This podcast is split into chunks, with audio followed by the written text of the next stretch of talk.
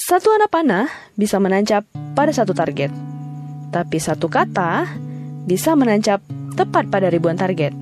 Assalamualaikum semuanya, selamat datang di podcast bersama Sajik Sirama.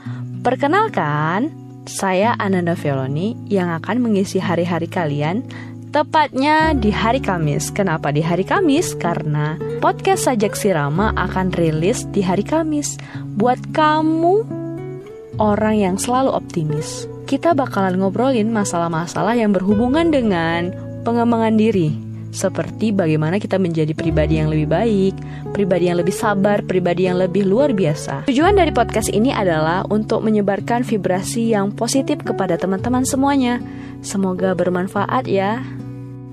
Jangan lupa dengerin podcast bersama Sajak Sirama di hari Kamis. Salam dari Nanda, salam anak Nanggro.